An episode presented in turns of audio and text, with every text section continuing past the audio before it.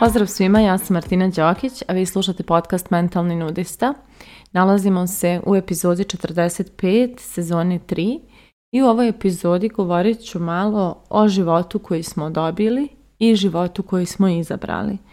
I ovaj izraz sam negdje čula u nekom filmu i uopšte ne mogu da se sjetim gdje, ali znam da mi je baš onako zazvučalo to kao koja je razlika između života koji smo dobili i života koji smo izabrali i koliko nekako u svemu tome postoji vrlo značajno pitanje šta smo sve dobili, a šta smo u stvari izabrali. I baš onako ja kako godine prolaze samo osvješćujem sve više koliko toga nisam ni svjesna da nisam izabrala nego sam samo dobila i ja to tako živim, a nesvjesna sam toga da je taj, to polje, ta tema, taj način kako to nešto živim, da je to zapravo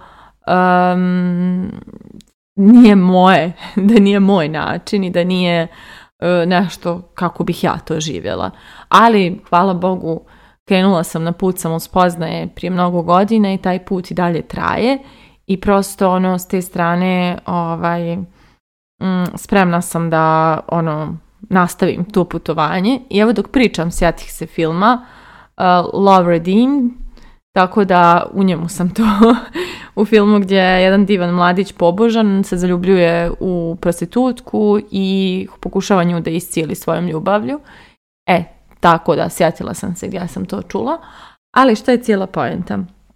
Kao što rekao, dugo ja prepravljam neke ideje uh, šta ja želim da živim u odnosu na ideju života koju sam ja dobila u svom domu. I generalno, kao što znate slušajući ovaj podcast, nisu, mnoge ideje koje sam dobila nisu bile korisne i nisu bile ideje koje su se slagale sa mojim nekim potrebama ili vrijednostima koje sam nosila u sebi. I Prosto mene je nešto vuklo da preispitam mnogo toga. Da preispitam ideju šta je pametan neki put do neke dobre karijere, da preispitam ideju šta je to uspjeh, da preispitam ideju e, koja branša je za mene, da prispitam ideju uopšte svojih izbora u školovanju, da preispitam ideju kvaliteta odnosa, da preispitam ideju gdje želim da živim, E, kakav život i koliko da radim i koliko da zarađujem i šta je za mene moguće. Znači, svašta nešto sam preispitala i dan danas preispitujem. I stalno ima još. Znači, stalno su tu još neke teme koje ja nisam još provalila da nisu moje, ali ja ih tako po automatizmu živim, jer bavim se trenutno nekim drugim temama, pa te kad dođu na red. I baš je važno provjeriti da li je život koji smo dobili u skladu sa životom kakav želimo. Zato što e, često su granice naših svijeta jednake nekim granicama naše okruženja i, i, i porodice ili su malo samo eto, veće te naše granice, odnosno šire, ali to nije ni djelić mogućnosti koji postoji i prosto eh, ja sam gomilu nekih stvari morala da izmišljam, bez dokaza da je to moguće.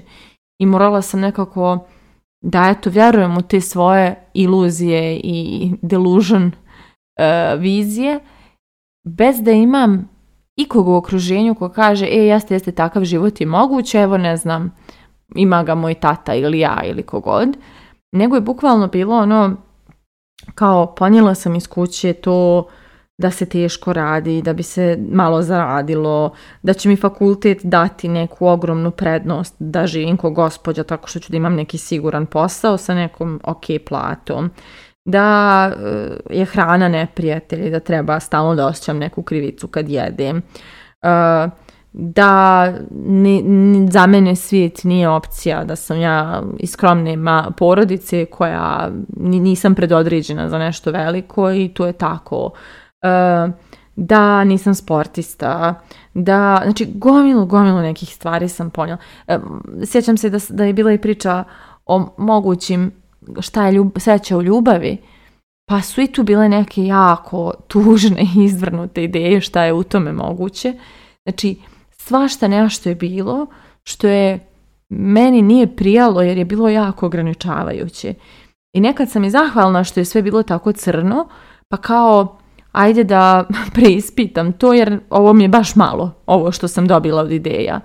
I onda je stvarno ovaj veliki posao bio tu ispred mene koji sam polako počela da, da, da obavljam i da polako djelić po djelić moje realnosti preslažem i mijenjam i kreiram neki život koji sam ja izabrala po sebi.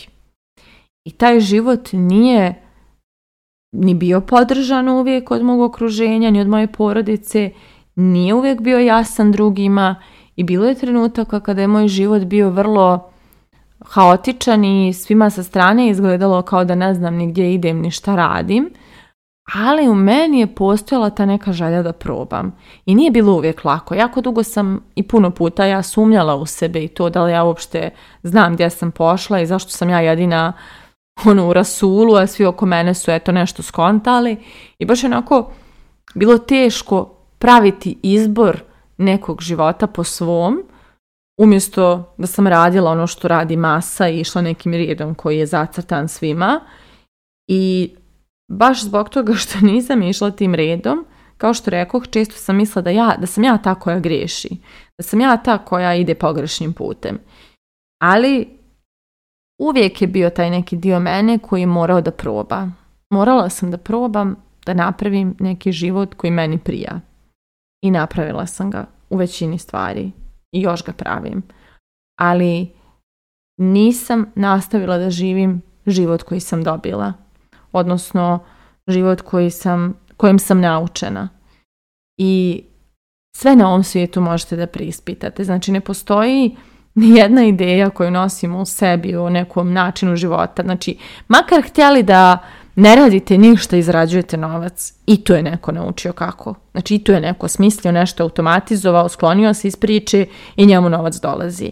Znači, i, ma koju god ono, nebulozu pod navodnike izmislite da želite da živite, da želite sebi da stvorite takav život, sve to je neko već uspio i to sve negdje postoji. I uopšte nije nemoguće. I prosto ideje koje smo odnijeli iz kuće, šta je moguće pod kojim uslovima, to su samo ideje tog okruženja u kojem smo mi bili.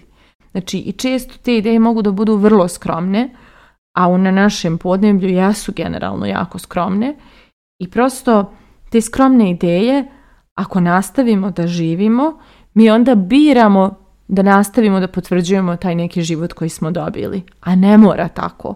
Znači svako naše nezadovoljstvo i svaka naša neispunjenost imaju rješenje.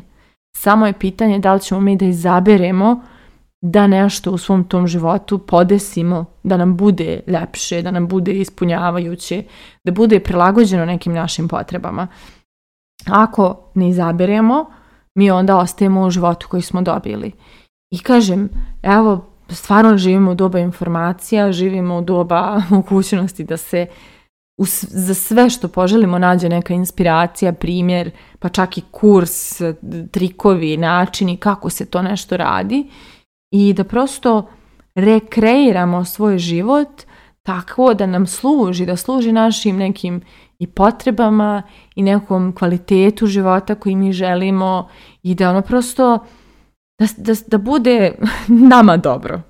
Jer kao, ako se stalno povine, ono, povinjavamo ili kako se kaže, ako stalno ono spuštamo glavu pred pravilima koje su nam nametnuta, a koje smo naučili da moramo da slijedimo ako hoćemo, ne znam, siguran posao, sigurnu platu, e, da dobijemo djecu i tako dalje, šta god ko radi, kakve god ko kompromise misli da mora da pravi da bi bio dobro, e, mi onda izdajemo sebe na mnogo načina.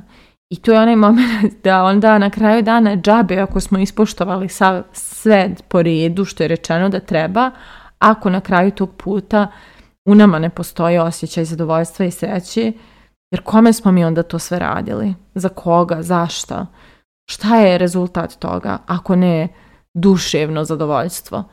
I mi sve što radimo na ovom svijetu radimo iz potrebe da nešto ovaj, dobijemo od osjećaja, a onda što ne bismo odmah ispratili šta nam budi dobar osjećaj i krenuli po tom osjećaju da gradimo korake, da biramo sebi život koji će nam odmah donositi taj osjećaj, a ne da biramo puteve za koje su nam rekli da ako ih ispoštujemo dobit ćemo dobar osjećaj, jer često to uopšte ne bude tačno.